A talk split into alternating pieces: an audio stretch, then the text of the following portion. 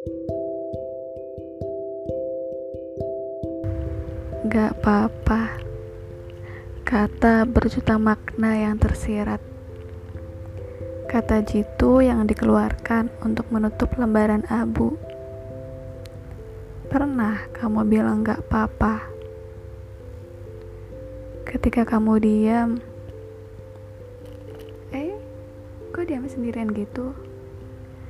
Gak apa-apa Ketika bete Kenapa sih bete terus dari tadi?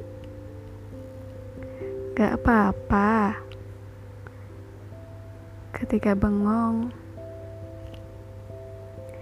Kok bengong sih? Mikirin apa? Hah? Gak apa-apa Ketika berubah dari biasanya Kok sekarang kamu berubah? Ada apa? Oh ya? Gak apa-apa? Bahkan ketika kamu nangis Hei, kamu kok nangis? Cerita dong Gak apa-apa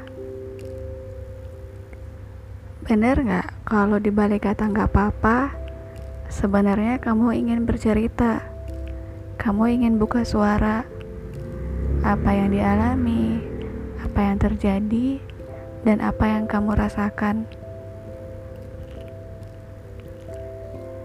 Tapi semua perihal waktu. Jangan paksa ya untuk mengeluarkan kata-kata selain kata nggak apa-apa.